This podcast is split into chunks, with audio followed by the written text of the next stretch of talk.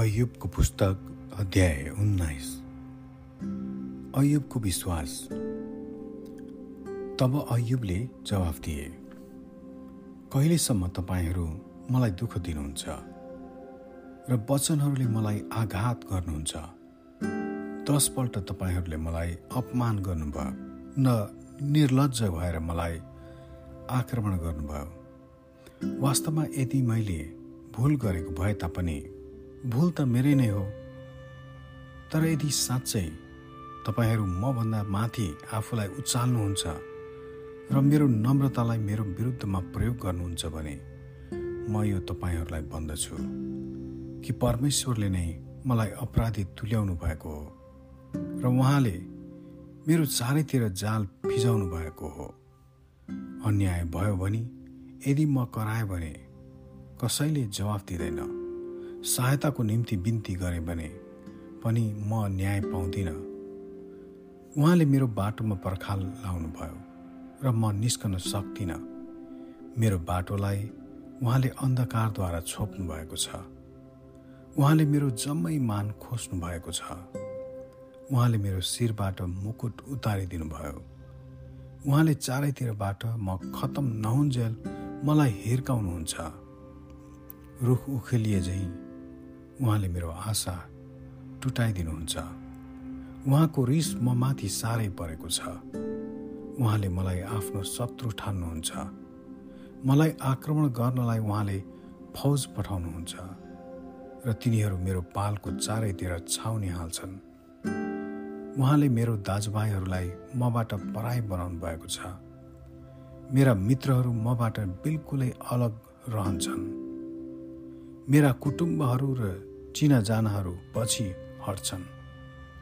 मेरा साथीहरूले मलाई बिर्सेका छन्। मेरा पाहुना र दासीहरूले मलाई बिराउन झैँ व्यवहार गर्छन्। तिनीहरूका दृष्टिमा म त एक विदेशी भएको छु।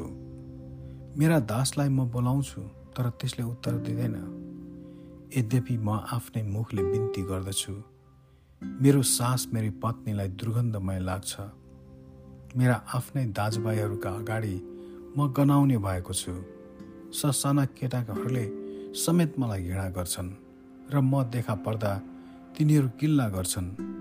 मेरा सबै घनिष्ठ साथीहरू मलाई घृणा गर्छन् अनि मैले प्रेम गरेकाहरू मेरो विरुद्धमा उठेका छन्। म त हाड र छाला भएको छु। म त मरिसकेरै बाँचेको छु। दया गर्नुहोस्। हे मेरा मित्र हो दया गर्नुहोस्। किनभने परमेश्वरको हात म माथि परेको छ। परमेश्वरले मेरो खेदो गर्नुभए चाहिँ तपाईँहरू पनि किन खेदो गर्नुहुन्छ? के तपाईँहरूले मलाई सताउनु भएको पुगेन र? मेरा वचनहरू शिलामा लेखिएका भए ती चम्रपत्रमा लेखिएका भए फलामको इतिहास हतियारले खोपेर सिसाले भरिदिए अथवा चट्टानमा सधैँको निम्ति साक्षी हुनलाई खोपिएको भए हुने थियो। तर म जान्दछु। मेरा उद्धारक जीवित हुनुहुन्छ। सबैभन्दा अन्तिम समयमा उहाँ पृथ्वीमा खडा हुनुहुनेछ अनि मेरा छाला नाश गरिएपछि मेरो शरीरमै म परमेश्वरलाई देख्नेछु। म आफ्नै आँखाले उहाँलाई देख्नेछु। आफैले नै देख्नेछु। अरू कसैले होइन। मेरो हृदय म भित्र कति लालच बन्छ। यदि तपाईँहरूले मलाई यसो भन्नुभयो भने हामीले उसलाई कसरी लखेट्ने? किनकि दुःखका जड तिनी आफै हुन्। तपाईँहरू तरवारदेखि होसियार रहनुहोस् किनकि क्रोधले तरवारद्वारा दण्ड ल्याउनेछ र त्यहाँ न्याय छ भनी तपाईँहरूले जान्नुहुनेछ। आमेन।